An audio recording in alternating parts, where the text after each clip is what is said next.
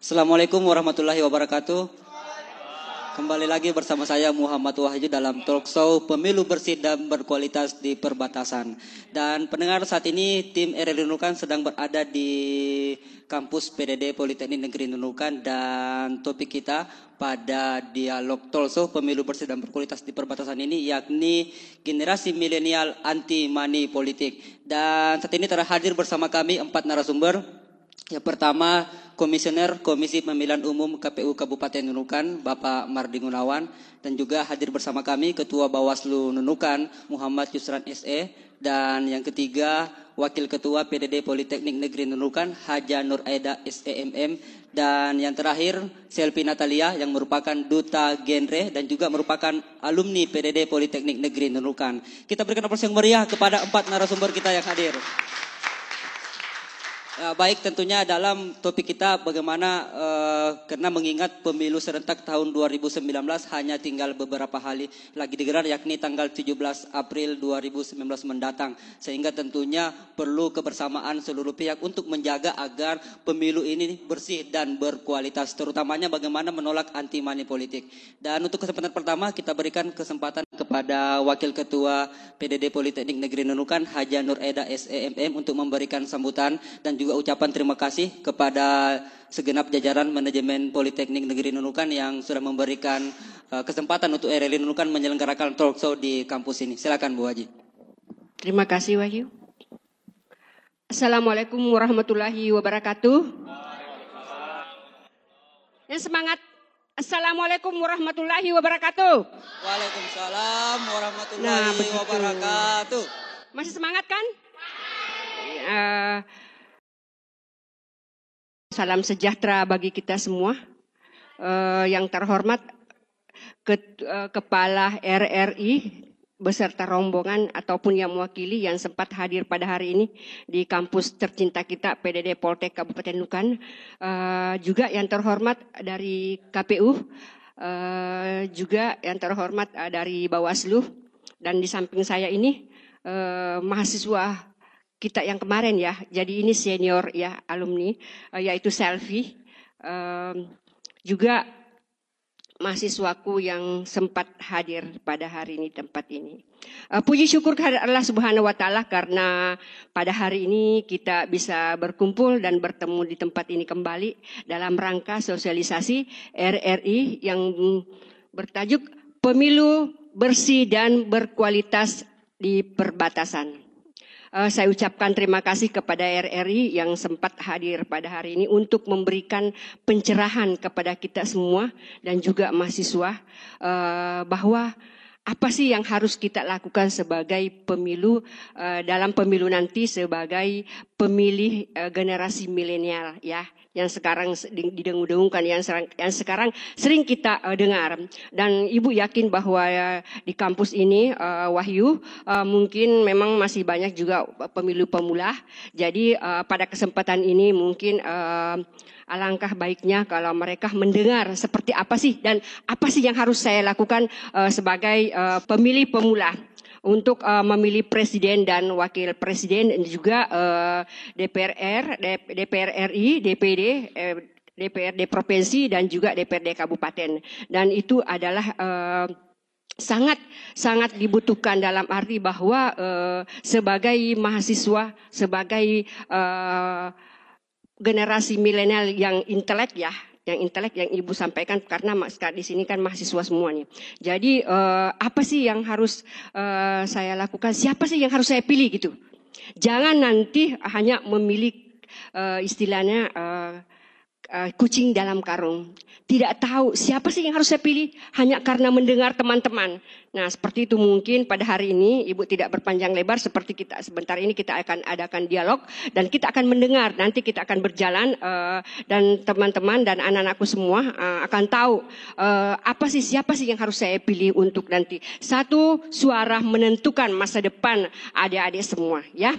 Jadi mungkin saya tidak berpanjang lebar. Yuk, mari kita melanjutkan dialog ini dengan mengucap wabillahi taufiq wal hidayah. Wassalamualaikum warahmatullahi wabarakatuh. Waalaikumsalam warahmatullahi wabarakatuh. Dan tentunya terkait dengan bagaimana sih yang dimaksud dengan pemilu bersih dan bagaimana yang dimaksud dengan pemilu berkualitas. Tentunya saat ini juga telah hadir bersama kita Komisioner KPU Kabupaten Nunukan, Bapak Mardi Gunawan yang mungkin bisa menjelaskan terkait dengan bagaimana pemilu bersih dan berkualitas itu dan juga bagaimana mengajak generasi milenial untuk anti money politik. Silakan Pak Mardi Gunawan untuk memberikan pemaparan.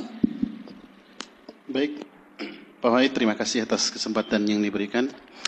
Yang saya hormati Ketua Bawaslu Nunukan, yang saya hormati Wakil Direktur PDD Politik Nunukan, uh, Duta Genre Kabupaten Nunukan, teman-teman RRI, peserta jajaran yang hadir pada hari ini, adik-adikku sekalian yang insya Allah tetap semangat untuk mengikuti kegiatan pada hari ini. Baik, mungkin pertama-tama saya ingin sampaikan permohonan maaf dari Ketua KPU. Kebetulan beliau Seharusnya beliau yang hadir pada hari ini, kebetulan beliau juga merangkap di divisi logistik, artinya persiapan untuk mendistribusikan logistik di semua kecamatan di Kabupaten Nunukan. Jadi beberapa hari ke depan ini logistik pemilu akan segera digeser. Baik, terima kasih.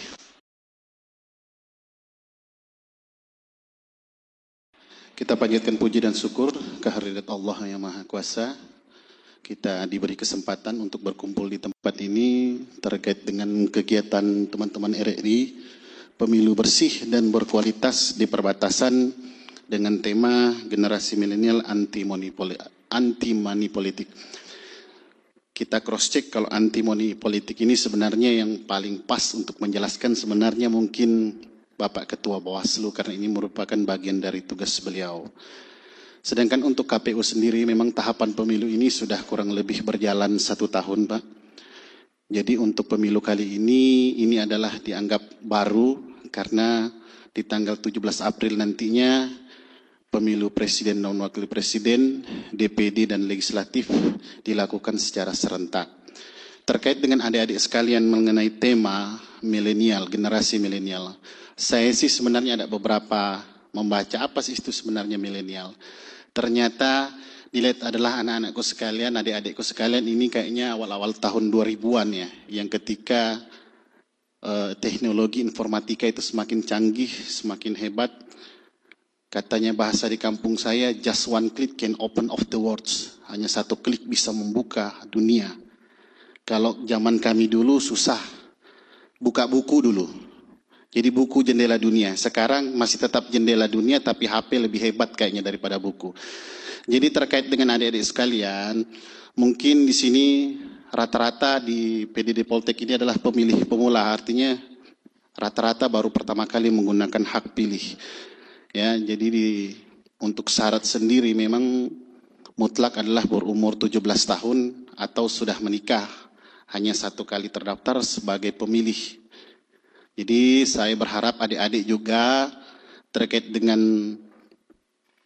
keadaan sekarang rajin membuka media sosial, harus proaktif melihat apa sih sebenarnya yang harus dilakukan. Mahasiswa adalah mereka yang akan menentukan perjalanan panjang masa depan. Artinya kalian adalah anak-anak yang bijaksana, memikirkan bagaimana negara kita ke depannya untuk menentukan pilihan yang bersih, yang sehat, kalian yang menentukan. Dengan keadaan sekarang, kalian yang lebih hebat sepertinya dari kami ini. Kalau melihat dari teknologi, mereka kayaknya lebih hebat dari dari kami. Nah, jadi nanti ketika ingin menentukan hak pilih dan menggunakan hak pilih, tentukanlah berdasarkan visi dan misi, deh. Apa yang harus kalian lihat? Perhatikan rekam jejaknya. Terkait dengan money politik ini memang di pemilu kali ini sudah dianggap sebagai tindak pidana pemilu ya Pak Ketua Bawaslu. Nanti mungkin beliau akan menjelaskan lebih detail apa sanksinya. Beliau akan menjelaskan lebih banyak. Terkait dengan teman-teman sekalian, di tanggal 17 April juga nanti sebagai pemilih pemula juga diharapkan untuk bisa berpartisipasi 100% terutama kita di daerah perbatasan. Mari kita gunakan hak pilih kita. Datangi ke TPS-TPS yang telah ditentukan. Mudah-mudahan Di H-3 nanti semua sudah mendapatkan C6 yaitu pemberitahuan untuk menggunakan hak pilih tetap dibawa berdasarkan aturan yang baru tetap melampirkan KTP elektronik atau suket sebagai identitas kependudukan. Mungkin ini saja yang dapat saya jelaskan terkait dengan mungkin dengan tema yang ada mungkin lebih pas nanti Ketua Bawaslu yang akan menjelaskan atas waktu yang diberikan. Saya ucapkan terima kasih. Assalamualaikum warahmatullahi wabarakatuh. Ya baik Pak Marli Gunawan selaku Komisioner KPU Nunukan sudah menjelaskan sedikit terkait dengan bagaimana itu pemilu bersih dan berkualitas juga bagaimana itu anti money politik. Dan selanjutnya untuk mengetahui lebih lengkap lagi eh, bagaimana upaya penanganan dari Bawaslu Nunukan sendiri untuk mengatasi terkait dengan agar pemilu ini bisa bersih dan juga apa sih yang dimaksud dengan money politik dan apa dampak jika money politik ini diterapkan oleh para eh, partai politik peserta pemilu yang bertanding dalam pemilu serentak tahun 2019 ini. Silakan mungkin Pak Bawaslu Nunukan, Muhammad Yusran bisa menjelaskan Pak. Ya, terima kasih uh, Bung Wahyu atas kesempatan yang diberikan kepada kami. Izin pimpinan uh, Poltek dan sahabat saya dari KPU dan adik yang mewakili duta salah satu duta Kendre ya. Ya, uh, pertama kita harus memahami apa itu uh, money politik atau politik uang begitu. Tentu kita mengacu ke dalam uh, norma yang tertuang di dalam Undang-Undang Pemilu. Ya, Undang-Undang Pemilu ya ini Undang-Undang Nomor 7 Tahun 2017 tentang Pemilu. Di dalam Undang-Undang 7 2017 ya, tepatnya di pasal 280 ayat 1 huruf J dijelaskan di sana ya norma larangan politik uang bahwa setiap pelaksana ya, peserta dan tim kampanye dilarang memberikan atau menjanjikan uang ataupun materi lainnya ya uang ataupun materi lainnya ini adalah penjelasan terkait eh, politik uang dalam dalam Undang-Undang 7 2017 bahwa setiap pelaksana, peserta dan tim kampanye dilarang memberikan atau menjanjikan uang atau materi lainnya kepada peserta kampanye pemilu. Jadi kalau kita bedah ya norma ini maka banyak unsur yang kita dapatkan di dalamnya. Untuk mengkategorisasikan satu perbuatan itu politik uang, maka unsur-unsur itu harus terpenuhi. Nah, di sini nanti coba nanti kalau e, waktu mencukupi ya, kita coba akan mengeksplor lebih jauh tantangannya itu di pembuktian seperti itu. Terkait semua dugaan pelanggaran apalagi kaitannya dengan politik uang seperti itu. Di sana ada subjek ya. Subjek itu adalah pelaksana, peserta dan tim kampanye ya pelaksana dan peserta dan tim kampanye ini dijelaskan lebih rinci lagi di dalam eh, norma-norma uh, di dalam Undang-Undang 7 2017 maupun PKPU yang mengatur berkaitan dengan kampanye pemilu seperti itu. Kemudian ada perbuatan yang dilarang. Perbuatan yang dilarang itu adalah memberikan dan menjanjikan uang ataupun materi lainnya. Memberikan atau menjanjikan uang atau materi lainnya. Nah, kata atau di dalam Hukum itu berarti pilihan. Berbeda kalau ada kata dan atau. Kalau dan atau itu dalam bahasa hukum itu bisa kumulatif, bisa alternatif. Kumulatif itu maksudnya harus mencakup semuanya. Kalau alternatif itu cukup satu aja. Makanya kalau adik-adik di sini ya, saudara-saudara di sini pernah melihat dalam regulasi ada bahasa dan atau itu maksudnya bisa alternatif, bisa kumulatif. Tapi kalau menggunakan kata atau aja, maka dia alternatif. Cukup satu terpenuhi unsurnya, maka dia e, sudah masuk kategorisasi seperti itu. Berbeda kalau kata dan. Kalau kata dan itu harus mencakup semuanya. Seperti itu.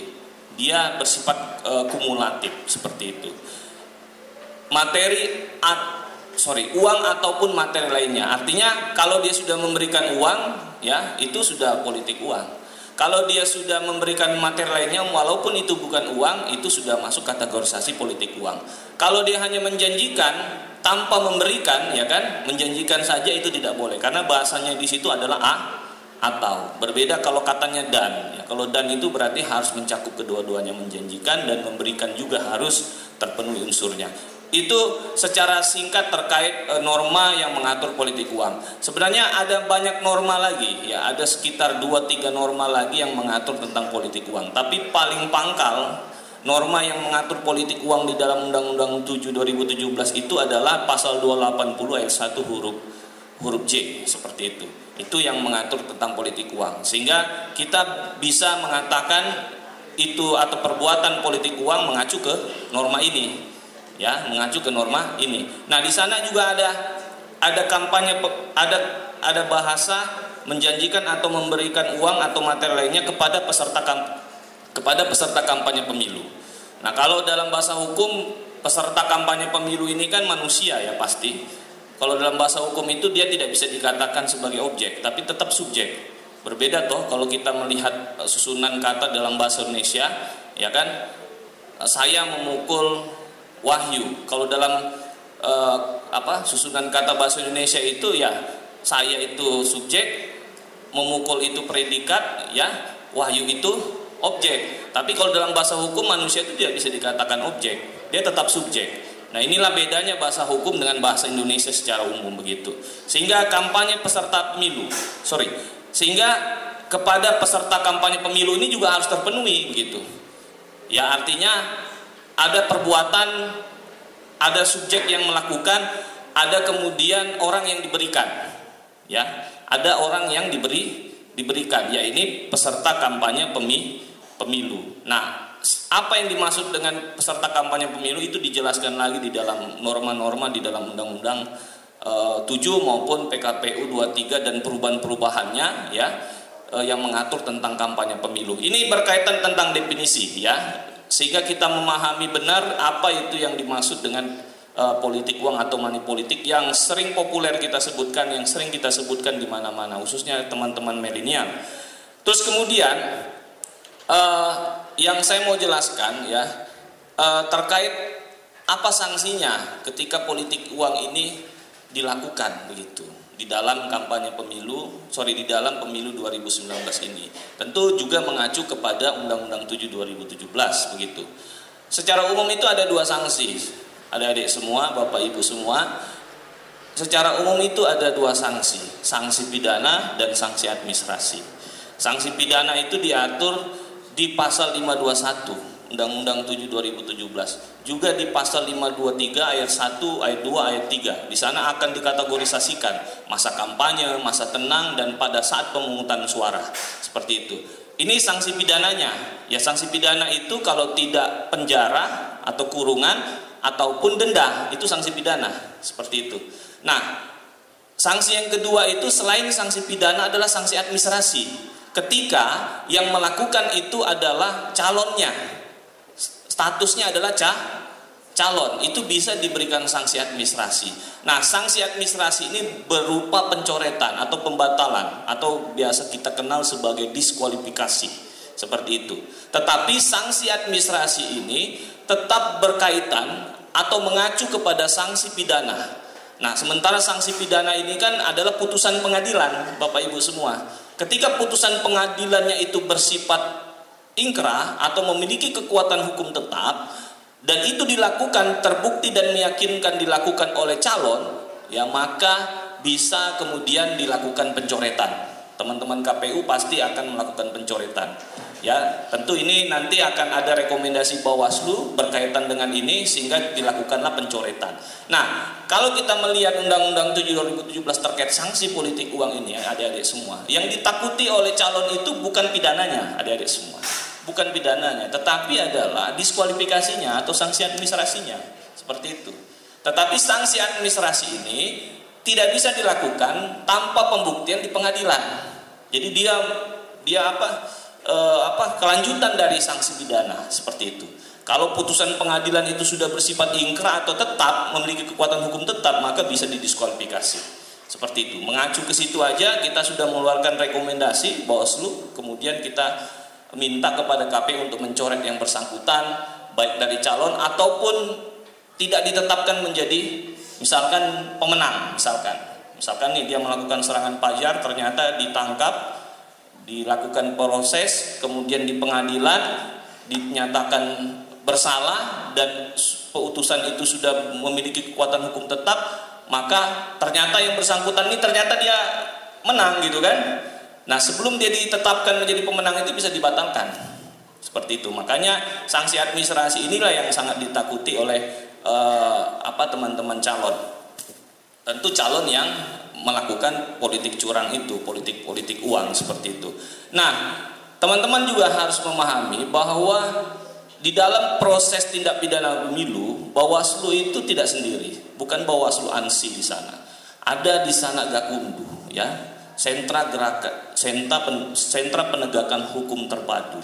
Ada tiga institusi di sana, selain Bawaslu, di sana ada penyidik Polri dan jaksa penuntut umum. Kita selalu ngopi bareng ya, kita selalu ngobrol bareng berkaitan dengan segala bentuk laporan ataupun temuan yang mengandung dugaan pelanggaran tidak pidana pemilu. Jadi ada prosesnya di sana. Jadi bukan Bawaslu yang menentukan semata-mata ketika misalkan kasus itu dihentikan, ya itu memang berdasarkan argumentasi dan e, gelar perkara yang dilakukan di Gakundu bersama kepolisian dan kejaksaan. Nah, untuk teman-teman ketahui, untuk di Kaltara hanya nunukan saja yang sudah menyelesaikan tidak pidana pemilu.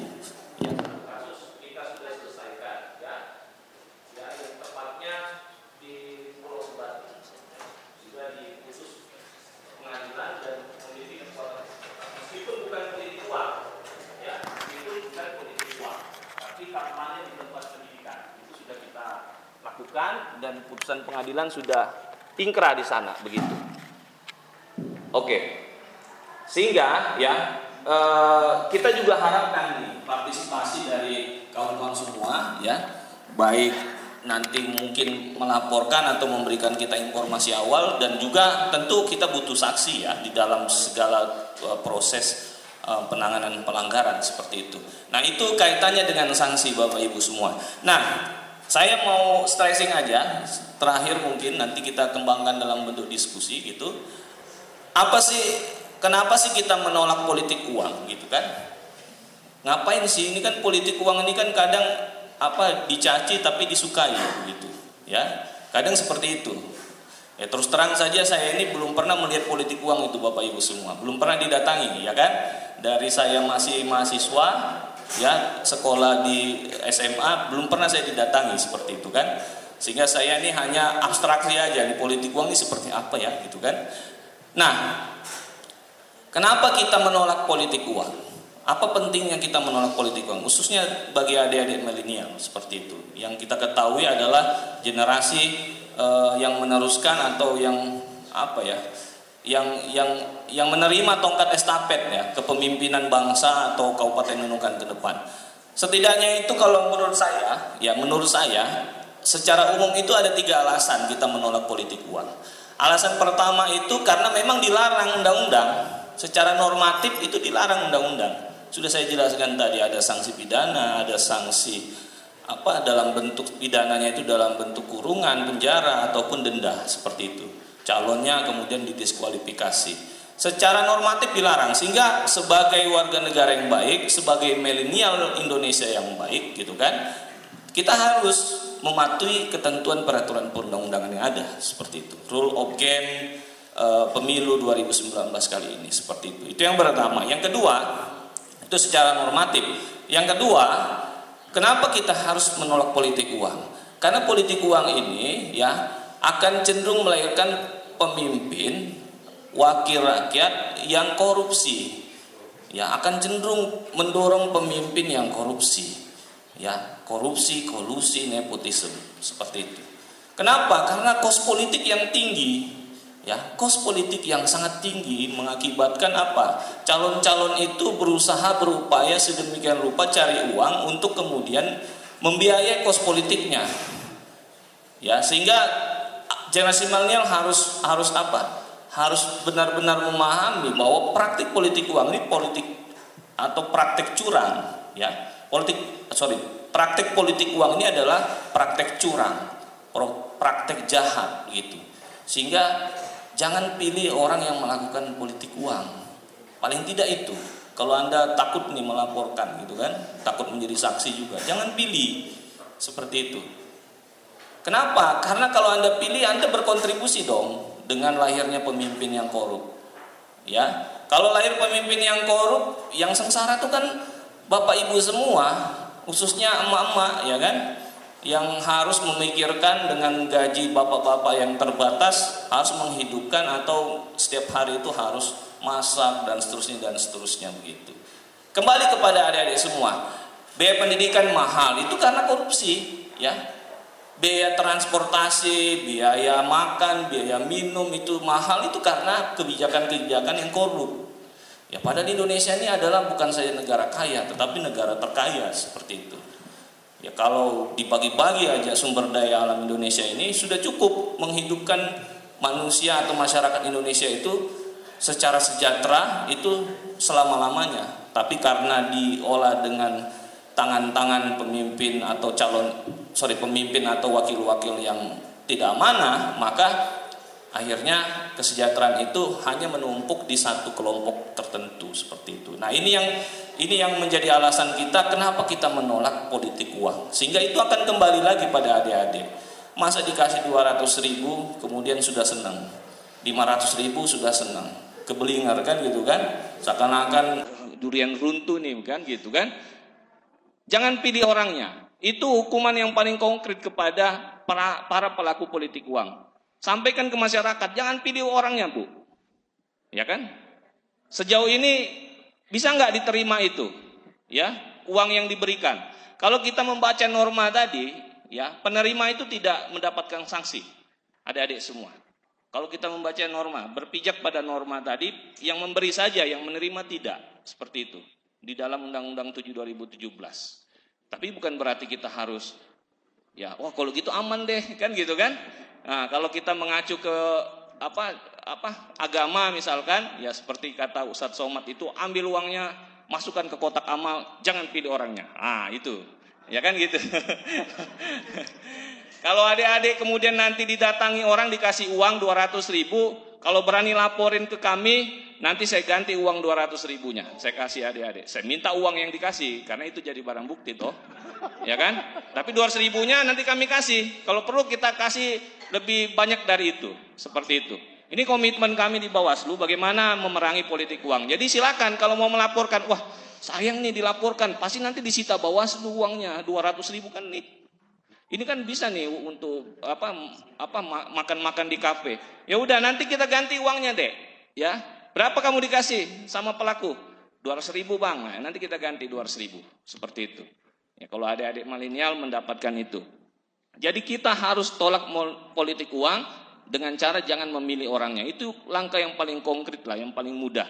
Terus yang ketiga, alasan yang ketiga, adik-adik semua, karena politik uang ini meningkatkan atau membuat kos politik itu sangat tinggi, ya, high cost di dalam berpolitik, maka apa? Maka banyak orang-orang yang layak untuk memimpin negeri ini, mewakili adik-adik semua, itu tidak bisa, tidak punya kesempatan. Kenapa? Karena dia tidak punya harta yang melimpah untuk memberi makan para pemilih, untuk memilih, untuk melakukan politik uang maksudnya. Seperti itu. Nah, akhirnya apa? Kita kehilangan kesempatan untuk dipimpin orang-orang yang bah, orang-orang yang baik karena alasan dia tidak punya u, tidak punya uang. Partai politik pun akhirnya apa pragmatis. Wah, ini kenapa ini calegnya rata-rata orang kaya semua. Ya kan? Yang miskin, wah meskipun dia hebat nih, mana bisa? Dia tidak ada uangnya. Ya kan, ya usah. Nah, partai juga akan pragmatis dong kan, nggak mungkin apa menawarkan pemimpin misalkan ini butuh uang. Kalau pemimpin, calon pemimpinnya nggak punya uang mana bisa jadi mesin begitu kan? Nah sehingga akhirnya apa? Partai politik pun tidak mau merekrut orang-orang yang baik, tetapi dia lebih merekrut toko-toko yang punya uang. Meskipun dia ini bisa memimpin atau enggak, terserahlah. Yang penting dia ini jadi dulu. Nanti dia bisa belajar juga di DPRD nanti pelan-pelan. Di DPRD itu bukan tempat belajar, ya kan? Itu bukan tempat belajar, itu tempat melayani. Kalau mau dari DPRD, kudu belajar dulu gitu kan. Jangan belajar di sana begitu.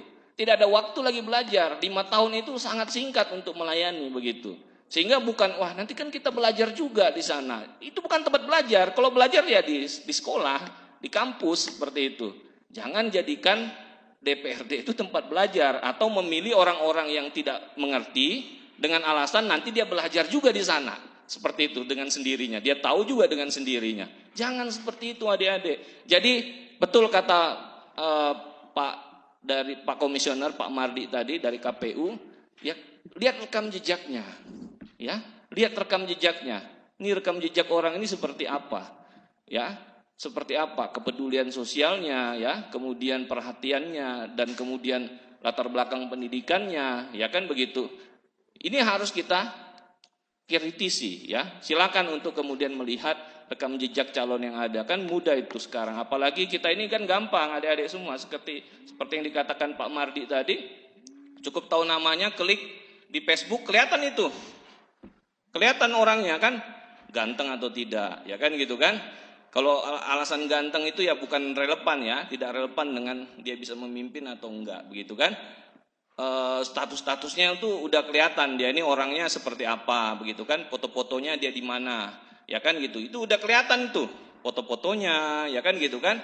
Status-statusnya, ya kan orang ini kira-kira seperti apa? Latar belakangnya bisa bisa dilihat lah dari perspektif-perspektif sederhana seperti itu atau kemudian digali lah ya untuk hal-hal lain untuk lebih dalam bisa digali. Jadi adik-adik betul kata ibu dari Poltek tadi ya, bu pimpinan dari Poltek bahwa jangan pilih kucing dalam karung ya, jangan pilih kucing dalam karung harus betul-betul dipastikan pilihan adik-adik itu bisa mewakili adik-adik semua.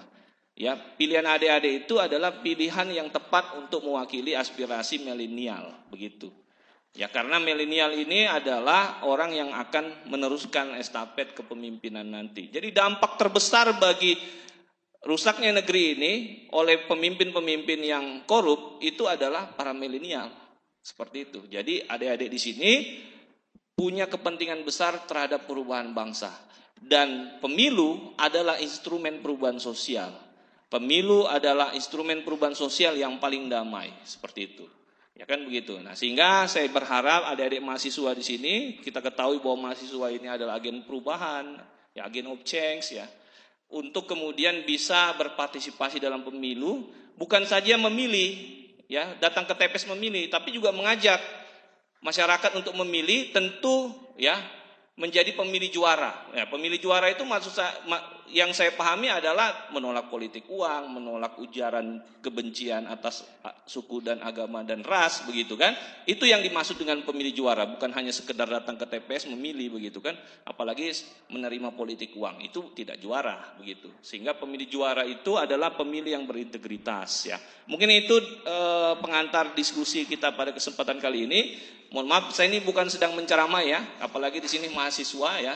Mahasiswa itu kan apa ya bagaimana lah masa apa masyarakat elit ya di di satu kelompok masyarakat. Ya sehingga kita harapkan nanti ada diskusi. Silakan kalau ada kritik saran ke kami penyelenggara pemilu BKP maupun Bawaslu silakan bagi kami itu adalah vitamin oksigen untuk menjalankan tugas kami akhir kata bila itu topik kuliah Assalamualaikum warahmatullahi wabarakatuh silakan kembali kepada Bung Wahyu Oke, tentunya tadi sudah dijelaskan oleh kedua narasumber kita terkait dengan bagaimana tolak money politik uang. Kita berikan aplaus yang meriah kepada kedua narasumber kita.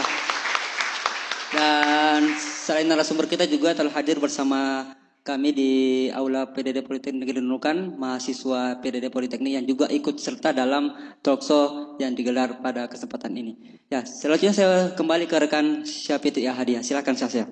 Baik, wah kita sudah dengarkan bersama tadi ya pemaparan dari narasumber, ada dari KPU dan ada dari Bawaslu. Seru ya kalau membicarakan tentang uang gitu ya. Tapi kita tidak boleh tergoda dengan yang namanya money politik seperti yang sudah dijelaskan. Nah masih semangat? Sekali lagi masih semangat?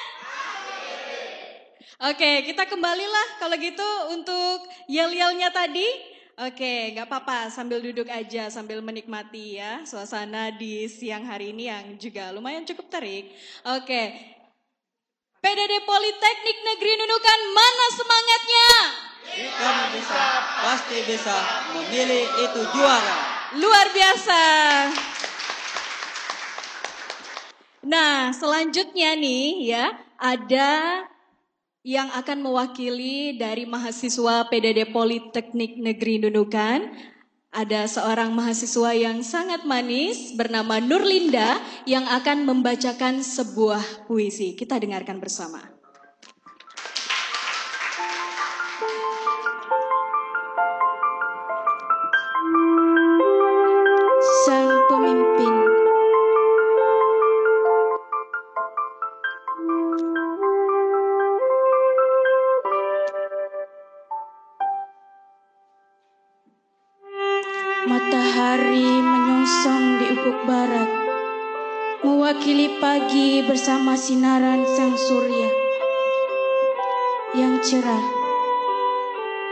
Sekaligus mencengkam tangisan Dan teriakan bercampur menjadi satu Dalam sebuah rasa kegundahan Apakah ini bangsa Indonesia? yang katanya tanah makmur dan sejahtera yang dianggap nyaman untuk berlindung dari senggatan sang surya. Ku bertanya pada seseorang bocah yang sedang mengemis mencari nafkah. Aku pun terdiam. Saat kulihat pancaran wajahnya menggambarkan pandangan kegundahan yang memancarkan raut ketakutan. Ku bertanya, di manakah ayahmu sekarang? Dia hanya terdiam dan tunduk lesu. Ayahnya pergi, pergi bersama kenangan yang telah berlalu pergi yang panjang yang membunuh semua harapan. Pemimpin, seseorang pemimpin yang sedang kami butuhkan, yang bisa membangun bangsa ini dari ketidakdas ketidakdasaran. Rahmat Tuhan mulai datang bersama kelembatan guyuran hujan yang membasahi segala ketandusan. Tandusan yang keadilan yang tandus akan kemakmuran. Tapi semuanya telah hilang bersama redanya rintihan hujan. Dan kini langit pun mulai berhenti untuk menangis. Bumi, pertiwi, mulai menumbuhkan bibit-bibit bangsa yang akan membawa bangsa Indonesia menjadi makmur dan sejahtera.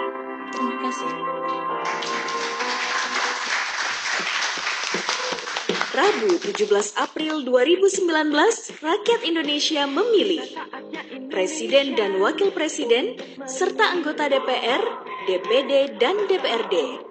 Undang-Undang Nomor 7 Tahun 2017 adalah dasar penyelenggaraan pemilu serentak 2019. Indonesia mencatat sejarah baru menggabungkan dua jenis pemilu dalam satu waktu secara bersamaan. Ayo ke TPS, Rabu 17 April 2019. Pemilih berdaulat, negara kuat. Pesan ini disampaikan oleh KPU Kabupaten Nunukan. Anda masih mengikuti talk show generasi milenial anti money politik. Oke, itu dia tadi persembahan puisi yang sangat menyentuh hati ya tentang pemimpin bangsa. Dan harapan kita pemimpin bangsa yang nantinya akan memimpin bangsa ini jauh dari yang namanya money politik. Oke, untuk selanjutnya saya akan kembalikan kepada rekan saya Muhammad Wahyu untuk melanjutkan diskusi di sesi kedua ini. Silakan. Tentunya tadi kita telah mendengar pemaparan dari dua narasumber kita yakni dari KPU dan Bawaslu bukan dan selanjutnya ada dua narasumber kita juga kemudian kita ingin melihat sejauh mana bagaimana komitmen dari manajemen PDD Politeknik Negeri Nunukan yang ikut serta bagaimana bisa berpartisipasi dalam menciptakan pemilu yang bersih dan berkualitas khususnya bagaimana manajemen kampus juga ini memiliki komitmen untuk menolak money politik silakan Bu Hajanur Eda SEMN Eh, terima kasih Wahyu. Assalamualaikum warahmatullahi wabarakatuh. Eh, ini sudah berapa kali ya kita uh, ada dimasuki di sini ada kemarin KPU juga ya uh, dari Bawaslu sekarang RRI ya. Uh, Ibu berharap uh, dengan adanya uh, sosialisasi seperti ini kalian bisa menjadi uh, pemilih yang cerdas dan kita sebagai uh, orang intelek ya sebagai mahasiswa di sini uh, pihak manajemen ataupun saya pribadi uh, selalu mewanti-wanti kepada mahasiswa uh, bahwa dalam pemilihan legislatif 2019 ini pada tanggal 17 uh, April nanti, Ibu berharap uh, jadilah uh, pemilih yang cerdas, yang lebih tahu uh, seperti apa sih calon yang akan saya pilih nanti. Seperti tadi dari Pak Yusran bilang bahwa uh, harus melihat rekam jejak seperti itu. Uh, Ibu juga uh, selalu uh, selama ini memantau sebagai orang akademis, walaupun dulu Ibu adalah orang politik juga, tetapi sekarang uh, bergerak dalam kita ini uh, akademis. Jadi uh, Ibu harus netral uh, dan juga tidak lagi mau mau tahu tentang politik itu seperti apa sih di luar yang sering kita dengar, terutama untuk pemilihan presiden dan wakil presiden ya.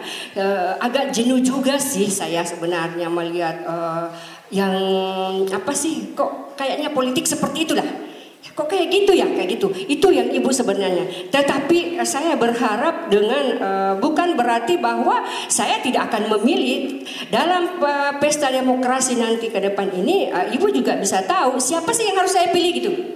Juga uh, saya berharap kepada mahasiswa-mahasiswa Peltek, Poltek, PDD Kabupaten Nunukan untuk lebih jeli lagi. Jangan hanya tadi seperti bahwa ada uh, uang yang dibawa ke rumah, akhirnya kita uh, terbawa arus. Oh ini loh yang saya pilih karena ada duitnya gitu. Seperti tadi Pak Yusran bilang, ambil uangnya gitu, ya kan? Ambil uangnya. Tetapi kalau perlu lihat dulu, apakah orang yang memberikan saya uang ini, apakah bisa saya harus saya bisa pilih gitu? Jangan sampai saya cuma memilih nanti kalau terpilih tidak bisa berbuat apa-apa gitu, ya tidak bisa mewakili saya, tidak tidak bisa uh, memperjuangkan aspirasi saya. Itu mungkin yang Ibu ingin sampaikan kepada uh, mahasiswa. Dan setiap saya masuk kelas pun, saya selalu bilang juga kepada mahasiswa, uh, Pak Yu Pak Yusran ya juga dari KPU bahwa uh, jadilah pemilih yang cerdas karena uh, kalian-kalianlah yang akan menentukan nasib masa depan bangsa ini seperti itu. Apalagi uh, ini bertepatan dengan pemilihan presiden, wakil presiden, bukan cuma uh, legislatif untuk uh, anggota DPRD ya. Uh, yang dulu-dulu tahun kemarin 2014 kan tidak bersamaan. Jadi uh, untuk presiden beda dengan uh, untuk legislatif. Nah, tapi sekarang ini uh, bersamaan. Jadi kita harus lebih pintar-pintar. Jangan karena banyaknya itu ah saya ini ajalah, ini ajalah ya. Tolong cari rekam jejaknya seperti tadi Pak Yusran bilang. Siapa sih ini gitu? Apakah ini nanti bisa uh, menjadi keterwakilan saya di DPRD, terutama DPRD Kabupaten Kota ya? Itu lebih urgent banget itu. Karena kita ini di Kabupaten Nunukan. Dan juga um, untuk uh, apa namanya pemimpin-pemimpin kita ya sebagai orang intelek mungkin adik-adik semua anak-anak saya semua yang hadir di sini sudah pada sering dengar kegaduhan-kegaduhan. Kok apa gitu ya kan seperti itu. Jadi dengan adanya itu kalian bisa memilih saya siapa sih yang harus saya pilih dengan melihat visi misi program kerjanya bisa nggak nanti. Apalagi kalian ini nanti akan selesai itu ya kan. Apa siapa sih yang bisa saya nanti ini memperjuangkan kami-kami ini di sini gitu. Jangan karena adanya pengaruh-pengaruh dari sebelah akhirnya kita ini terpengaruh. Ah pilih aja itu Pilih aja itu seperti itu enggak. Karena kalian adalah pemilih pemula dan kalian harus bersih. Har kalian harus netral.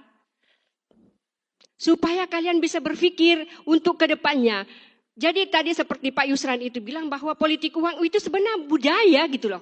Budaya. Nah sebagai pemilih pemula, marilah membiasakan diri untuk tidak seperti itu. Jangan karena uang 100 ribu, 200 ribu, kalian akan uh, terkecoh gitu. Menyesal.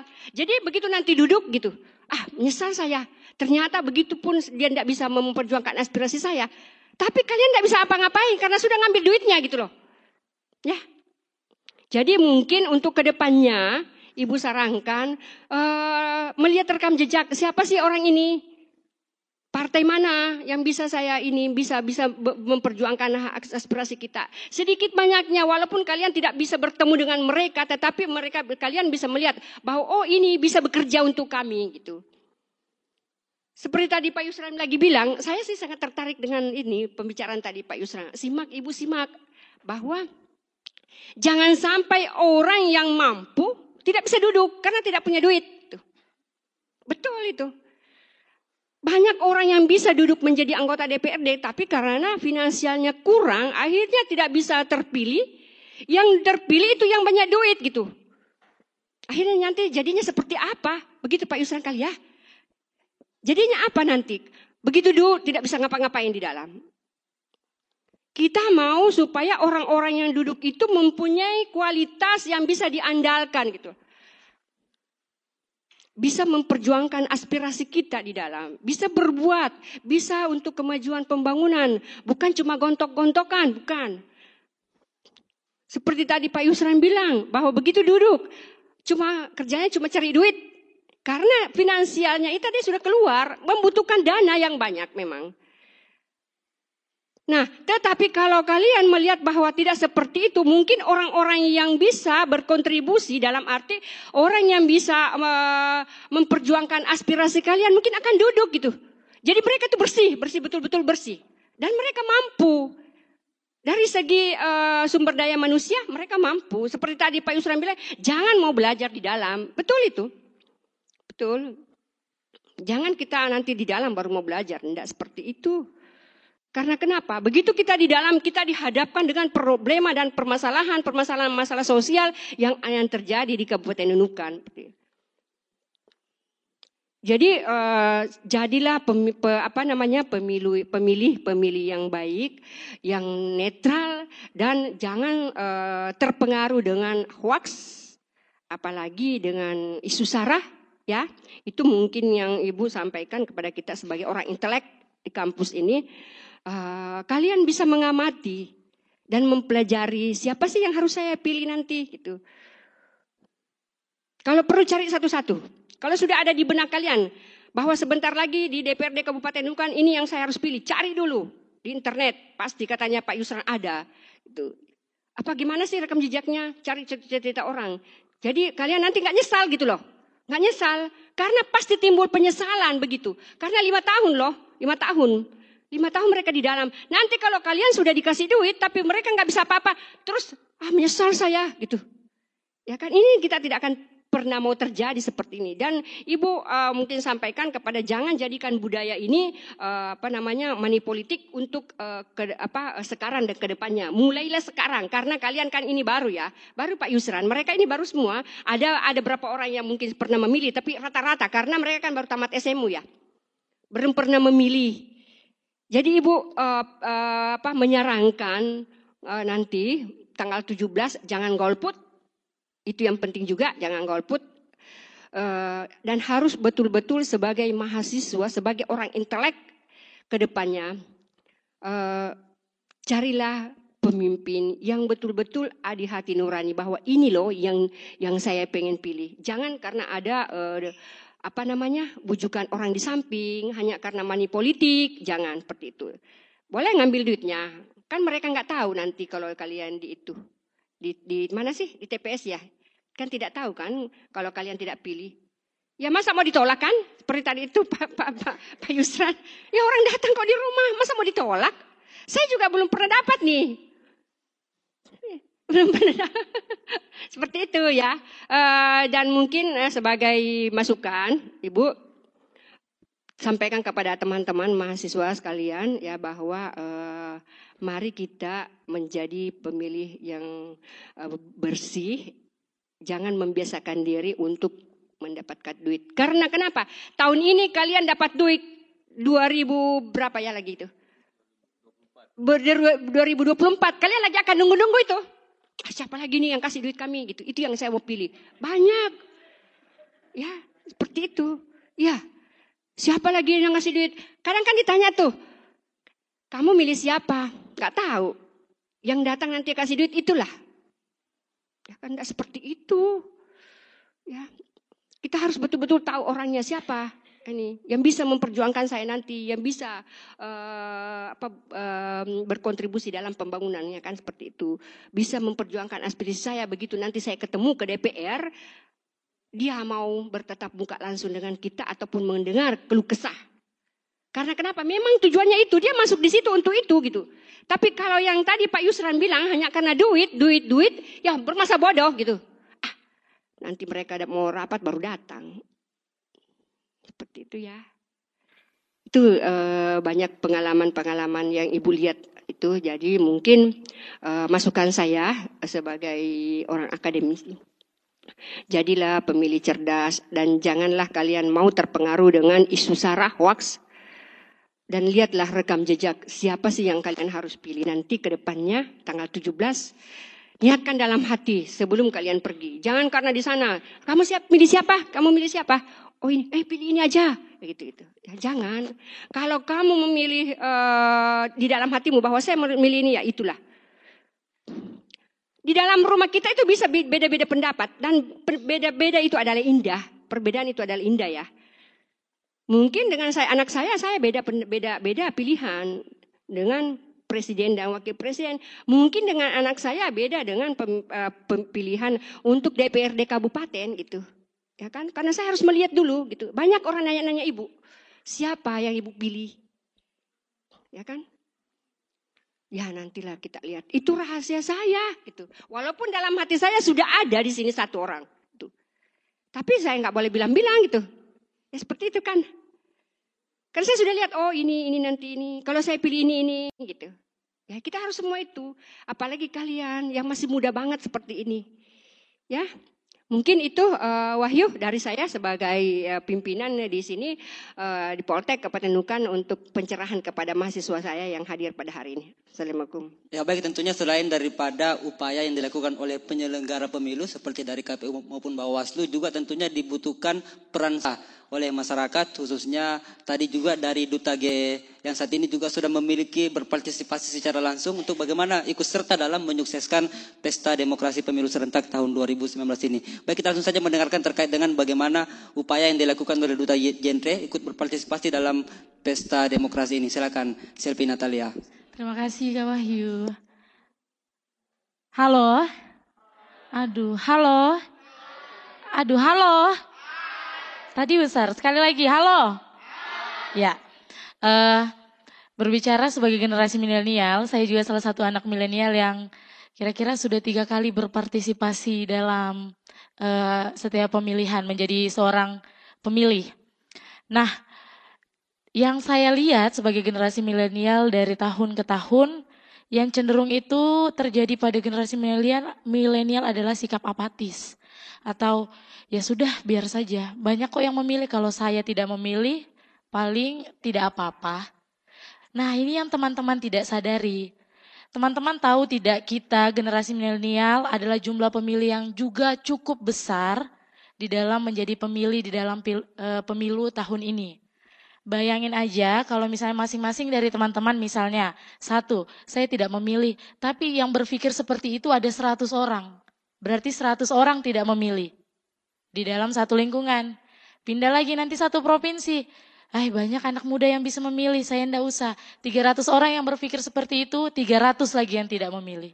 Seperti itu. Jadi, tapi di tahun ini saya cukup bahagia melihat uh, para calon-calon yang maju. Saya melihat uh, dari beberapa yang maju, ada yang sebagiannya adalah anak muda. Nah ini jadi salah satu contoh tindakan awal bahwa mungkin sikap apatis ini sudah mulai berkurang dari partisipasi yang maju mencalonkan diri. Nah kita yang tidak mencalonkan mau ngapain kak? Ya kan? Kita bisa berpartisipasi menjadi pemilihan cerdas. Teman-teman mahasiswa saya yakin juga pasti sudah punya pilihan sendiri-sendiri kan? Sudah mahasiswa, bukan siswa lagi. Maha. Nah, yang mau saya ajak ke teman-teman sekalian sebagai generasi milenial, mari kita buktikan bahwa kita generasi milenial bukan generasi yang gampang terhasut oleh berita-berita, ujaran kebencian, hoax di mana-mana. Tapi kita generasi milenial yang memang tidak luput dari gadget ya setiap hari ya. Kenapa tidak teman-teman menggunakan gadget itu yang tadinya mungkin masih ikut untuk menebar kebencian, men-share berita-berita yang didapat baik di semua sosial media, klik tombol share, padahal tidak tahu itu berita benar atau tidak. Kenapa tidak digunakan untuk sama-sama mensosialisasikan bagaimana menjadi pemilih yang cerdas? Nah, khususnya untuk kita mahasiswa nih ya teman-teman, kita bagaimana bisa kita rangkul adik-adik kita. Kan adik-adik yang SMA ini ada yang sudah usianya untuk menjadi pemilih. Kenapa tidak kita kader adik-adik itu? Kita berikan pemahaman untuk menjadi seorang pemilih yang cerdas. Nah, kalau mereka ini pasti masih labil. Kira-kira mau pilih apa ya? Ini pertama kali mau ke TPS. Kira-kira nanti di TPS seperti apa ya? Kita bantu. Nanti pilihnya seperti ini, seperti yang dikatakan oleh narasumber-narasumber sebelumnya. Teman-teman bisa lihat rekam jejaknya.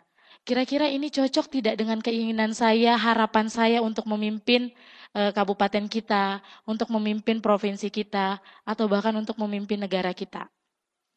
Teman-teman, e, kita ini merupakan jumlah yang terbanyak.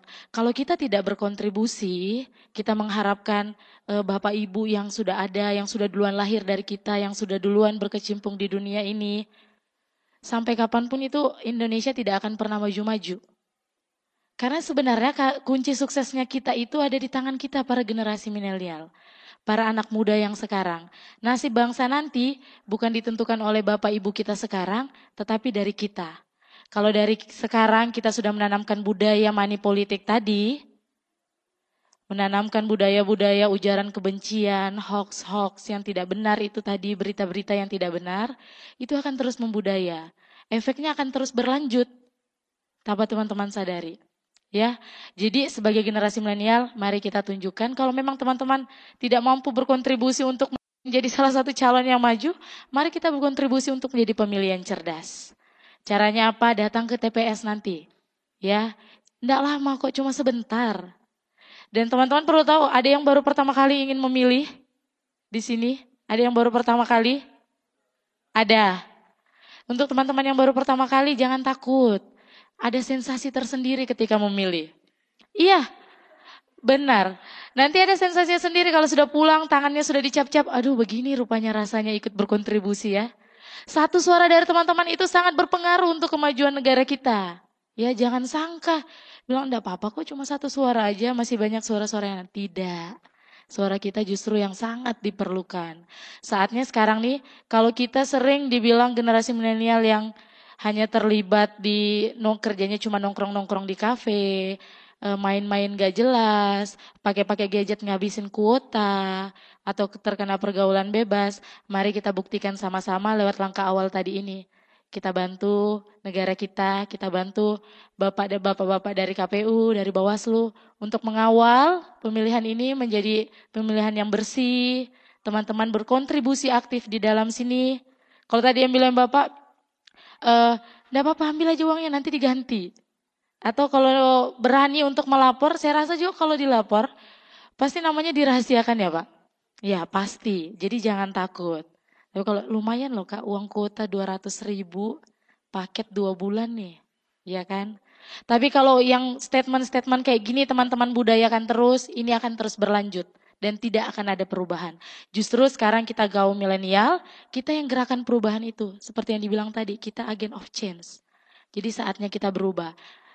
Saya selalu pegang uh, salah satu kutipan ini, jangan tanyakan apa yang negara berikan kepadamu.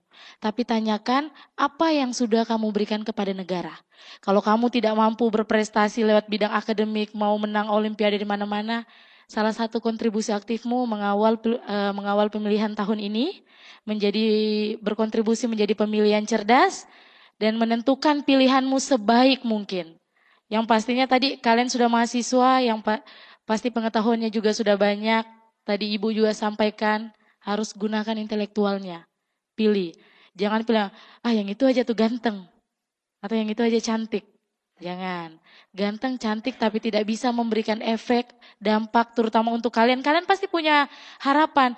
Nanti setelah selesai kuliah, kira-kira pemimpin siapa yang mampu uh, mengarahkan kami para kaum muda ini yang sudah lulus nanti untuk lapangan pekerjaan yang terbuka lebar untuk kami. Iya kan? Kalau teman-teman memilih yang misalnya yang menggunakan money politik, teman-teman bisa yakin. Seperti yang dikatakan ibu tadi, dia sudah keluar modal loh. Jadi pasti terpilih yang di pikiran utamanya adalah mengembalikan modal itu tadi. Ya, mengembalikan modal itu. Jadi sekali lagi kakak sebagai senior alumni dari sini dan sebagai salah satu kaum milenial mengajak semua teman-teman yang ada di sini, teman-teman mahasiswa, mari kita sama-sama berkontribusi aktif. Gampang, cuma datang aja jam 8 di TPS, sebentar aja. Kalau kamu datang paling pertama paling cuma 10 menit aja. Mencoblos, pulang, selesai, Selesai tugasmu untuk mengawal pemilihan ini, untuk memberikan suaramu demi kemajuan negara kita, provinsi kita, terutama kabupaten kota kita. Ya, jadi sampai ketemu di TPS. Jangan takut untuk memilih ya. Senyum-senyum tuh berarti sudah siap untuk memilih. Ya, oke. Terima kasih teman-teman. Baik, berikan aplaus yang meriah kepada keempat narasumber kita dan tentunya tadi sudah dijelaskan panjang lebar mengenai pentingnya menjadi pemilih yang berkualitas dan juga bagaimana generasi milenial ini menolak money politik. Dan tentunya tadi Sasa ada tadi yang sangat menarik disampaikan oleh Ketua yeah. Bawaslu Nunukan bahwa uh, dihimbau kepada seluruh masyarakat untuk segera melaporkan jika ada yang menerima uang dari calon Eh, peserta pemilu ini nantinya Betul. diserahkan uangnya dan nanti Bawaslu katanya akan mengembalikan memberikan uang yang dengan jumlah yang sama bahkan bisa lebih begitu ya. Wah, itu luar biasa, biasa ya. ya. Oke. Untuk selanjutnya Ya kita berikan kesempatan mungkin karena dari tadi saya melihat ini sudah banyak nih mungkin yang mau bertanya kepada keempat narasumber kita Sasa. Baik, saya akan jalan-jalan dulu. Siapa yang mau bertanya? Silahkan yang bertanya pasti banyak nih pertanyaan. Saya aja sendiri sebenarnya pengen bertanya juga, tapi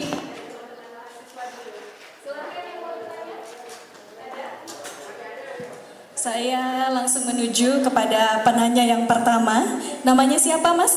Ramdan. Ramdan. Uh, silahkan ya, Wahyu langsung aja ya. Mungkin dijelaskan dulu jurusan apa di. Oh, jurusannya. Administrasi bisnis. Semester. Semester 2. Oke, silakan. Perkenalkan nama saya Ramdan Arif, jurusan Administrasi Bisnis. Saya ingin bertanya kepada mungkin kepada Bapak dari KPU atau mungkin Bawaslu di sini. Sebentar lagi kan kita akan melakukan pesta demokrasi serentak yang akan dilakukan pada tanggal 17 April. Dan yang harus dipilih itu ada lima kategori. Ya, yang ingin saya tanyakan apakah ini efektif dalam pelaksanaannya karena begitu banyak orang, begitu banyak calon sehingga mungkin akan membingungkan bagi hal layak yang belum tahu mestinya tiap calonnya itu bagaimana visi misinya. Ya, tidak mungkin kan kita kita itu melihat semua visi misi dari tiap calon dari satu dua sampai seterusnya. Maksud saya begitu, Pak. Terima kasih. Baik, berikan aplaus yang meriah. Oke. Uh, pertanyaan yang Itu dia. Kita simpan dulu ya hmm, pertanyaannya sampai tiga pertanyaan. Selanjutnya tadi ada di belakang sini katanya yang mau bertanya. Oke. Okay. Oh, yang ini. Yang menggunakan jas coklat. Siapa namanya?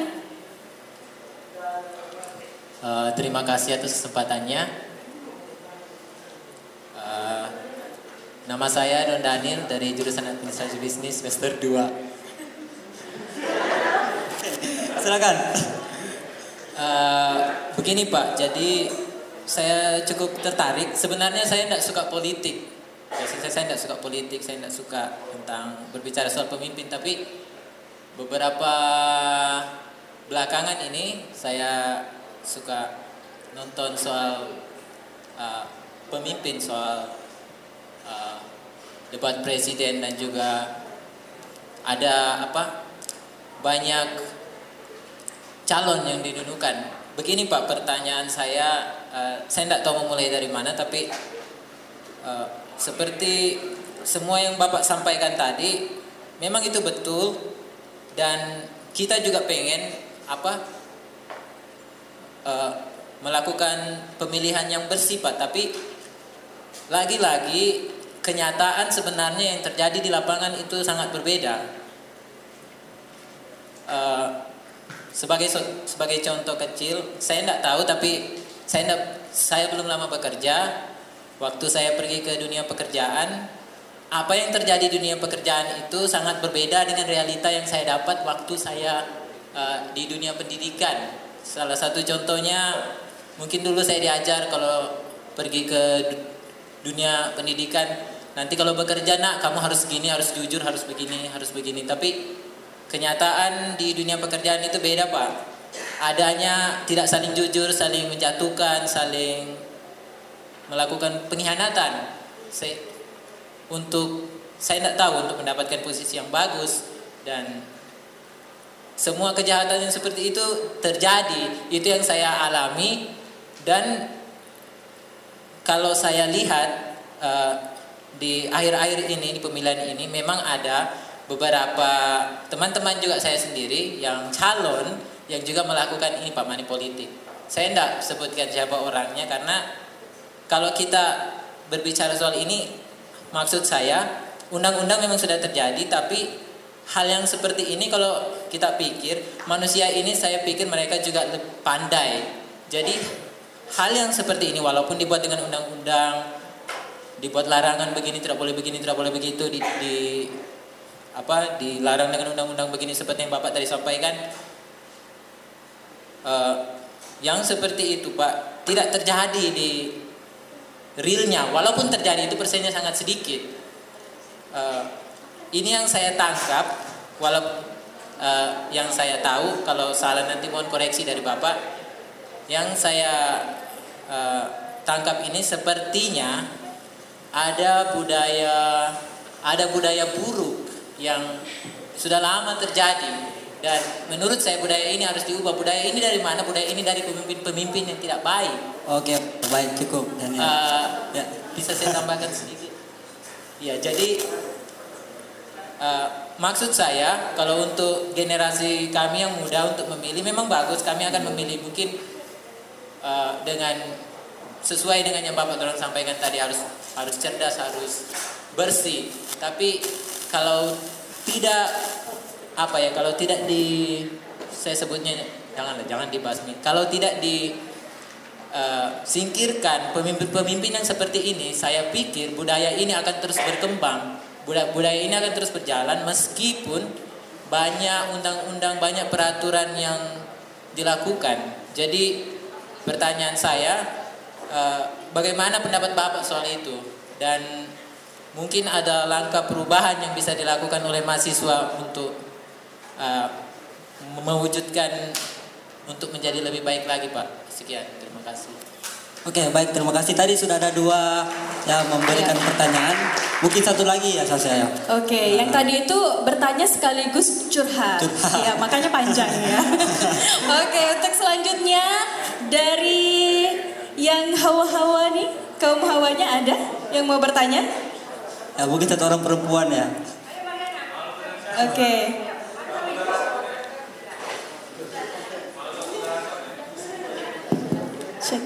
Bismillahirrahmanirrahim. Assalamualaikum warahmatullahi wabarakatuh dan selamat pagi. Perkenalkan nama saya Mariana dari jurusan Administrasi Bisnis 2A. E, seperti yang bagaimana tadi Bapak sampaikan bahwa calon ini itu yang ditakuti adalah sanksi administrasinya.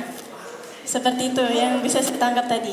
Nah, katanya bagaimana pertanyaan saya langsung aja ya Pak Pertanyaan saya bagaimana kira-kira apabila ini si calon dia itu mengadakan yang namanya money politik, maksudnya dia membagikan uang uang supaya dia terpilih, kemudian kinerjanya juga bagus. Nah, sedangkan kita itu akan menghilangkan yang namanya adat seperti itu, adat money politik. Seperti itu, Pak. Nah, kan kalau kita memilih dia bilang oh ya dia bagi kita uangnya banyak begini seperti ini. Terus kinerjanya juga bagus. Itu kan untung semuanya pak. Jadi itu bagaimana kira-kira pak? Ah, adat adat juga adat adat money politiknya berjalan tapi kinerjanya juga bagus pak. Seperti itu. Terima kasih. Oke baik. Sudah Nah, baik, tadi sudah ada tiga orang yang memberikan pertanyaan tadi. Saya yang pertama tadi terkait dengan apakah efektif jika terlalu banyak yang ingin dipilih. Iya. Ada lima tadi ya, baik dari pemilihan presiden maupun juga ada pemilihan DPD dan pemilihan DPR dan DPR.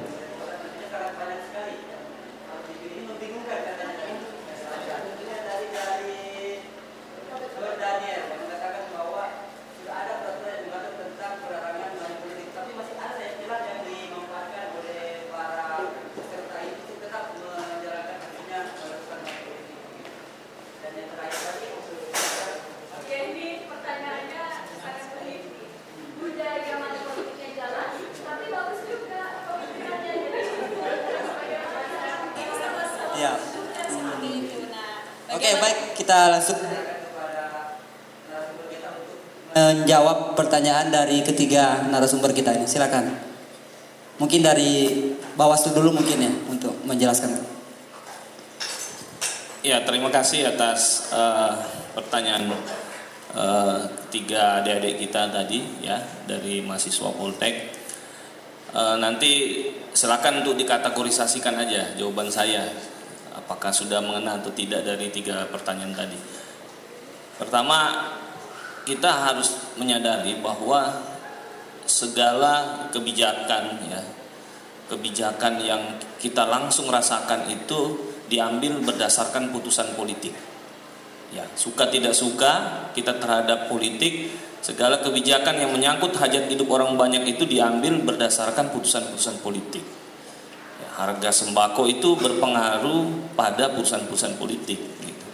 Harga tiket, ya kan, harga semualah harga-harga yang menyangkut tentang kebutuhan hidup kita itu menyangkut tentang diputuskan melalui putusan keputusan poli politik begitu. Sehingga suka tidak suka ya terhadap politik, maka kita harus berperan di sana. Ya. Sebenarnya politik itu baik, adik-adik semua. Ya, politik itu baik, cuman yang menjalankan aja. Sehingga kita mengenal ada istilah dari Prof. Amin Rais itu di dalam disertasinya mengatakan dia membagi politik itu menjadi dua, high politik dan low politik. Gitu. Low politik ini politik yang apa dalam dalam kegiatan politiknya ya itu penuh dengan kecurangan, penuh dengan uh, upaya-upaya menghalalkan segala cara. Ini berbasis pada satu prinsip-prinsip Machiavellianisme politik begitu. Istilah uh, tidak ada teman abadi yang ada hanya kepentingan abadi itu konsep Machiavelli ya yang dipakai oleh banyak politisi yang menerapkan konsep-konsep low politik dalam prakteknya. Politik-politik curang, politik intimidasi, yaitu low politik. Nah berbeda dengan high politik. High politik ini politik nilai, politik yang mendepankan nilai-nilai. Ya tentu ini selaras dengan jiwa anak muda begitu. Selaras dengan spirit kampus begitu. Karena kampus ini kan kita harapkan adik-adik mahasiswa ini kan kita harapkan selain menjadi agen perubahan juga menjadi moral of force ya. Kekuatan moral. Bagaimana mengawal demokrasi dan pemilu kita kali ini dengan mengedepankan nilai-nilai moral di sananya ya kan? Menolak politik uang ini adalah bagian dari gerakan moral ya dan harus ini dikampanyekan bukan hanya Bawaslu ataupun KPU kampus juga punya peran penting adik-adik mahasiswa juga punya peran penting ya Apalagi kampus ini memang kalau menurut Pak Prof. Dorjantun itu eh, fungsi kampus itu sebagai filter informasi. Ya, memfilter segala bentuk apa polusi informasi. Apa yang kita kenal sebagai hoax itu polusi informasi. Ya, itu diproduksi dengan sengaja. Untuk apa? Untuk untuk membuat kacau informasi sehingga apa? Sehingga kebenaran itu relatif dipandang, ya kan? Nah, kalau kita lihat di dunia maya, itu kan banyak di sana informasi yang apa ya? E, menurut kita, ya saya katakan tadi polusi informasi, ya. Hoax itu polusi informasi. Nah, kampus ya itu punya tugas memfilter mana informasi yang apa akurat, ya mana informasi yang layak untuk di, dipercaya, mana informasi yang apa yang sampah gitu kan. Nah, adik-adik mahasiswa juga punya peran itu, generasi milenial juga punya peran itu, seperti kakak kalian, senior kalian katakan tadi. Kalian punya peran memerangi hoax, memerangi ujaran kebencian. Kalian akrab dengan jet-jet, ya. Share berita-berita yang apa? Berita-berita positif lah. Ya, tidak semua juga dek ya. Kebenaran itu harus disampaikan secara publis begitu. Kalau dia tidak bermanfaat, ngapain juga disampaikan? Memang benar misalkan satu aib orang lain.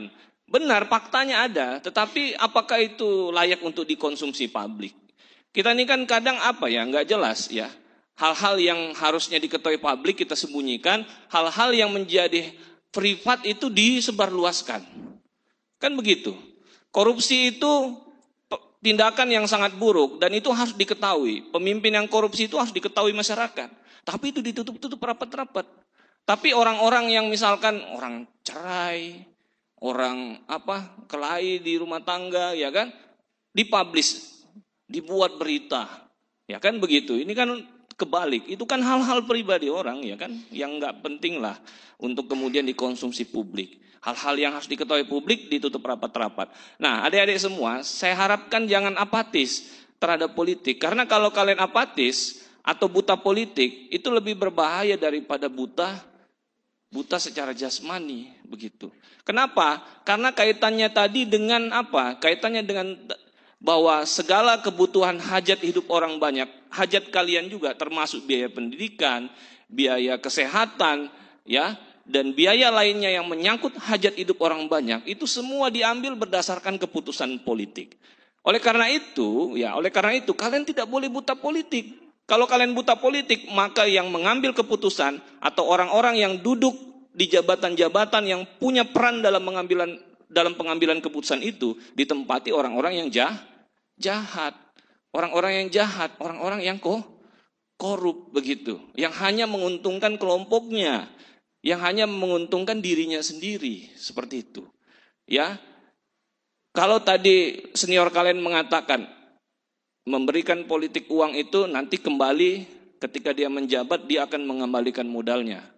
Artinya dia akan korup korupsi. Kalau hanya mengembalikan modal aja nggak apa-apa. Ini malah dia memperbesar modalnya. Untuk apa? Politik uang berikutnya. Untuk membiayai jaringan politik. Oleh karena itu ya, korupsi itu indikat korupsi itu dek minimal itu ada tiga lah secara umum alasannya. Pertama korupsi, orang korupsi itu karena apa? Karena gajinya rendah. Gajinya tidak mencukupi kebutuhannya, dia korupsi. Nah orang-orang seperti ini adalah, ya kan? Tapi kalaupun dia korupsi ini nggak terlalu berdampak dia, ya, karena dia juga tidak memiliki jabatan yang sangat penting sehingga mungkin dia korupsi hal-hal yang ke kecil meskipun ini juga salah. Yang kedua, korupsi karena apa? Karena dia ingin memperkaya diri.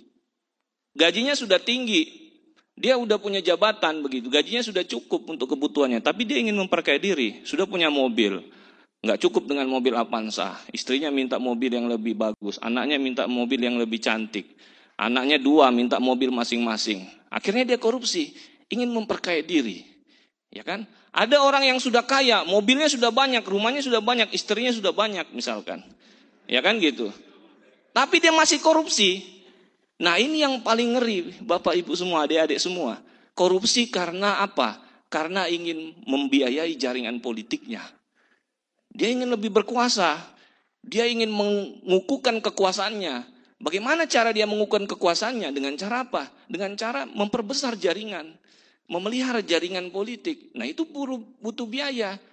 Kalau dia tidak korupsi, dia tidak akan bisa membiayai jaringan politiknya. Sehingga apa?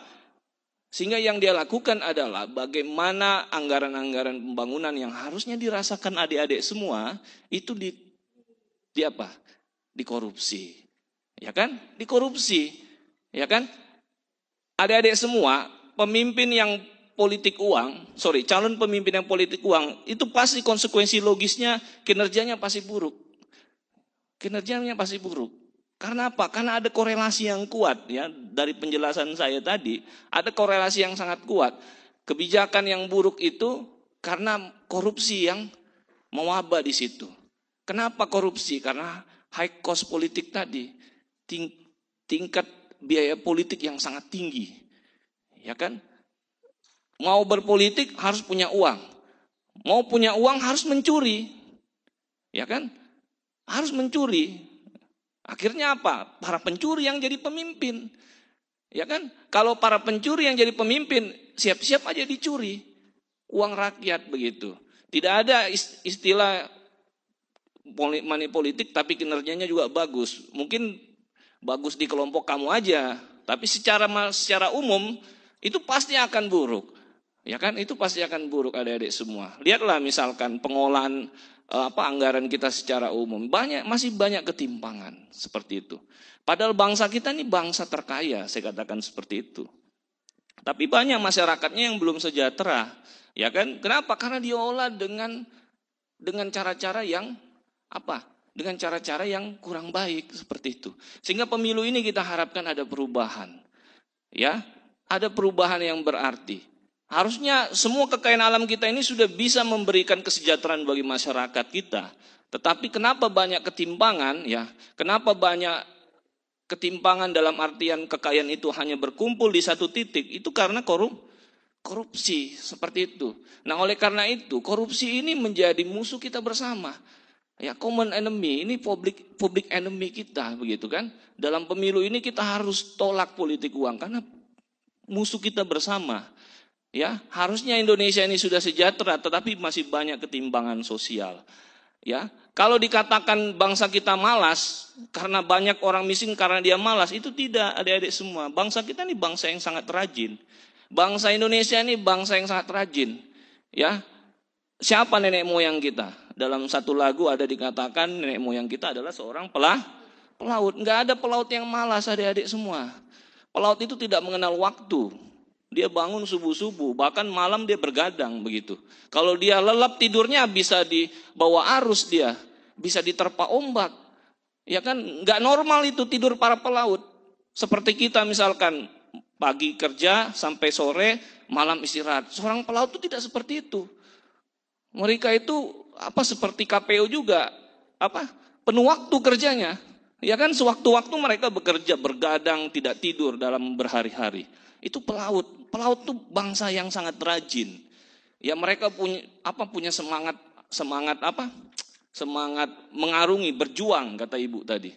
Begitu juga bangsa kita ini lahir dari bangsa petani. Petani itu nggak ada yang bangun jam 10 pagi. Ada nggak petani yang bangun 10 pagi? Nggak ada petani itu, bangsa petani itu nggak ada yang bangun 10 pagi. Subuh-subuh mereka sudah bangun. Jadi bangsa kita ini bangsa petani, bangsa nelayan, bangsa para pelaut ya itu bangsa yang sangat rajin. Ya. Jadi tidak ada sebenarnya orang Indonesia itu yang malas. Kalau yang kalaupun ada yang malas itu itu apalah. Kalau dalam istilah produksi itu ini anu lah kerusakan lah gitu kan, seperti itu. Adalah istilah produksi saya sudah lupa gitu. Nah, kita juga bukan bangsa yang bodoh, bangsa kita ini bangsa yang cerdas. Ya kan? Siapa bilang bangsa kita yang bodoh? Kalau bangsa kita yang bodoh, kita tidak bisa membangun Borobudur, Bapak Ibu semua. Ya, nggak ada teknologi canggih itu di zaman di zaman Borobudur itu dibangun, ya kan? Ada nggak yang bisa bangun Borobudur tanpa teknologi alat berat hari ini? Nggak ada.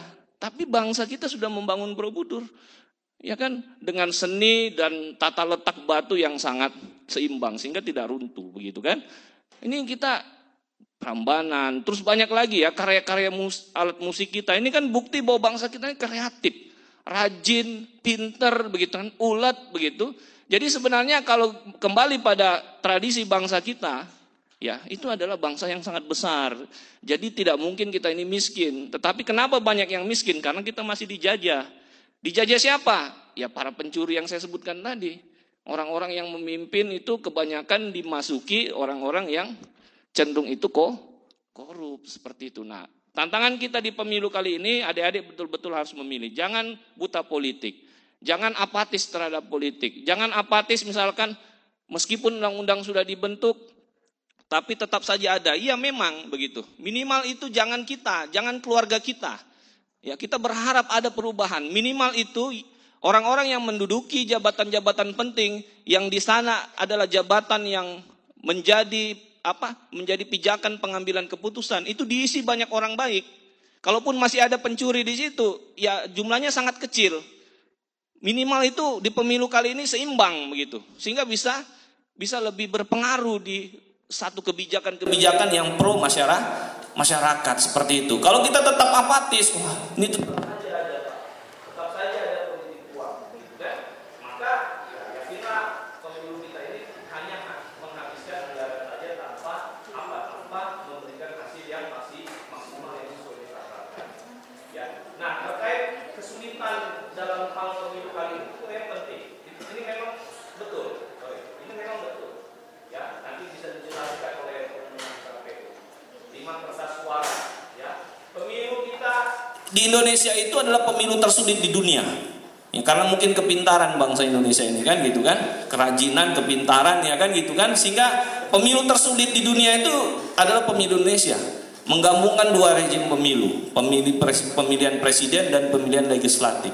Di pemilihan legislatif juga ada pemilihan anggota DPR RI, anggota DPR DPD, anggota DPRD provinsi, anggota DPRD kabupaten kota, seperti itu. Nah, semua punya kertas suara. Ya, semua punya kertas suara. Sehingga saya sarankan kepada adik-adik semua, mulai dari sekarang ini kan Hamin 9, Pak ya. Hamin 9. Dari sekarang itu sudah mulai kalian menentukan pilihan. Jangan nanti pas di TPS baru mikir. Itu yang buat lama. Sebenarnya kan gampang aja, apalagi generasi milenial kan tinggal buka-buka, coblos, tinggal buka-buka, coblos, tinggal buka, coblos. Tapi disarankan dibuka sekalian, sekaligus. Takutnya nanti tembus, rusak nanti. Maksudnya dibuka dulu keseluruhan kertas suaranya, baru dilihat mana nih yang saya mau pilih. Coblos. Ya kan? Bisa coblos partainya untuk legislatif, bisa coblos nama orangnya atau dua-duanya bisa juga asal masih dalam satu kolom partai yang sama ya kan begitu bisa coblos nama calegnya bisa coblos nama uh, sorry uh, partainya bisa kedua-duanya juga seperti itu nah sudah sudah kalian tentukan dari sekarang jangan jangan di apa di TPS baru kalian pikir oh, mana nih yang mana ya galau akhirnya lama Ya, TPS kita itu hanya menampung 300 orang, maksimal 300 orang. Ya kan begitu. Sudah diprediksi kalau simulasinya KPU mulai dari pemungutan suara sampai perhitungan suara itu 16 jam 30 menit kalau tidak salah. Atau selesai itu e, subuh lah, ya jam pagi lah, jam 2, jam 3 begitu begitu kan. Nah, tapi yang terpenting adik-adik juga yaitu tadi supaya dia lebih efektif, adik-adik dari sekarang sudah menentukan pilihan. Mulai dari sekarang lihat rekam jejaknya. Bukan lihat visi misi baru mikir visi misi. Oh ini Pak ini visi misinya apa ya? Lihat di Google. Tidak boleh bawa HP ya. Tidak bo boleh bawa HP di bilik suara. Tidak boleh seperti itu. Jadi sudah tinggal buka kertas suaranya DPR saya pilih ini, DPRD provinsi saya pilih ini, DPD saya pilih ini, DPRD kabupaten kota saya pilih ini, presiden saya pilih ini. Jadi sudah sudah sudah sudah menentukan pilihan. Mungkin itu dari kami sekedar saran terkait memang rumit dan sulit karena kita menggabungkan dua rezim pemilu, yakni pemilihan legislatif dan pemilihan presiden. Tetapi bukan berarti tidak bisa karena bangsa kita adalah bangsa yang rajin dan bangsa yang cerdas ya. Mungkin begitu dari kami. Terima kasih. Ya tentunya pendengar karena waktu kita sangat singkat kita berikan kesempatan untuk membe, uh, membe, pem, menjawab pertanyaan dari ketiga penanya tadi. Silakan Pak dari Komisi Pemilihan Umum Kabupaten Nunukan untuk menjawab dan juga menyampaikan closing statement dalam perjumpaan kita pada kesempatan ini. Baik, Pak Wahyu, terima kasih. Jadi terkait dengan pemilu ini, sebenarnya begini kali pernah saya sampaikan kepada teman-teman, saya pernah sosialisasikan bahwa hari ini kami yang duduk di depan ini adalah generasi-generasi yang sudah tua. Mohon maaf, benar. Artinya yang kami penting yang diurus sekarang adalah yang di belakang kami sekarang. Kalian anak cucu kami mungkin kelak. Kalian adalah penentu masa depan bangsa. Politik uang kalian bisa nilai sendiri 200 bahkan 500 ribu itu mungkin lebih besar kuota yang kalian gunakan setiap hari dibandingkan uang yang kalian miliki. Generasi milenial harus menggunakan logika yang baik. Bayangkan 200 ribu dipakai 5 tahun untuk beli pulsa data itu tidak cukup deh. Sementara kalian adalah orang-orang yang cerdas. Jadi itu yang dimanfaatkan. Mungkin itu tambahan dari saya. Dari Ramdan, efektif atau tidak untuk kelima kategori? Cukup jelas sudah disampaikan oleh Ketua Bawaslu efektif atau tidak sebenarnya efektif deh karena sudah ditetapkan KPU sebagai penyelenggara tetap harus menjalankan regulasi yang ada. lima surat suara yang sudah ada dengan calon yang sudah ditetapkan masing-masing itu mungkin sudah cukup jelas. Sulit, sebenarnya tidak sulit. Sama seperti apa yang disampaikan oleh Ketua Bawaslu. Presiden dan Wakil Presiden sudah ada calonnya. Visi misinya, rekam jejaknya, semua kalian sudah bisa lihat. Kalian bisa buka. DPD juga seperti itu. Bisa kalian lihat sekarang. Untuk di Kalimantan, setiap di provinsi kita hanya mempunyai empat perwakilan. Silahkan menentukan pilihan kita. Jadi setiap provinsi empat. Kemudian DPR RI, untuk Kalimantan Utara hanya ada tiga orang ya, Pak Ketua. Hanya ada tiga orang untuk di Provinsi Kalimantan Utara, DPR RI. Jadi silahkan juga kalian melihat dari sekarang, siapa kira-kira ketiga orang tersebut. Tapi tidak boleh coblos tiga-tiganya dalam satu surat suara, batal itu. ya. Kemudian eh, DPR Provinsi juga seperti itu. Kita juga punya perwakilan masing-masing. Artinya Kabupaten Nunukan punya perwakilan untuk kita, ya ada 10 orang. Berdasarkan kuota kalau tidak salah 35 berdasarkan jumlah penduduk. Kemudian yang terakhir adalah DPRD Kabupaten Kota. Kita terbagi menjadi daerah pemilihan sebanyak tiga dan Nunukan dan Nunukan Selatan adalah dapil satu. Saya kemungkinan besar untuk mahasiswa Poltek mungkin terdiri dari dapil satu, dua, dan tiga. Kita mempunyai pilihan yang berbeda. Silahkan pilih apa yang disampaikan oleh adik Mariana tadi calon membagi moni politik tapi kinerjanya cukup baik, mungkin kinerjanya di hadapan kalian tapi di belakang kalian kalian akan susah ke depannya. Ya. Karena yang jelas begini deh, ketika politik uang maka dia politik dagang. Ketika dia keluarkan modal dia pasti akan mencari keuntungan, itu sudah pasti, ya. Kemudian Sidon, ini Sidon ini kenal saya, ini kohai saya, ini pernah latihan karate dulu Mas SD-nya ini. Jadi saya cukup tua sekarang karena dia sudah kuliah. Ya. Tidak suka politik, harus suka politik deh. Apalagi kalian adalah generasi milenial. Wajib, apa yang disampaikan oleh Ketua Bawaslu itu sangat penting sekali. Wajib tahu politik. Minimal ketika tidak terlibat di dalamnya, kalian berpartisipasi di dalamnya. Apa salah satunya? Menyampaikan hal-hal yang baik. Apa itu demokrasi? Bagaimana menentukan nasib bangsa kita? Siapa pemimpin-pemimpin yang bisa mewakili kita? Walaupun ketika apa yang disampaikan oleh tadi apa uh, duta genre kita tidak mau kita terjun di dalamnya, tapi kita berpartisipasi di dalamnya. Ya, untuk menentukan siapa yang baik dan tidak baik itu bukan kami, hati nurani kalian sendiri. Kalian yang menentukan pilihan, satu kali mencoblos menentukan nasib daerah dan bangsa kita. Mungkin itu saja tambahan dari saya. Terima kasih. Assalamualaikum warahmatullahi wabarakatuh. Waalaikumsalam warahmatullahi wabarakatuh. Baik, terima kasih Pak Mardi Gunawan ya, dan juga dari Ketua KPU Ketua Bawaslu Nunukan juga sudah memberikan uh, jawaban tadi dan juga silakan kepada Haji Nur Aida SMM untuk menjawab mungkin pertanyaan dari tiga tiga penanya tadi ini sekaligus menyampaikan closing statement begitu.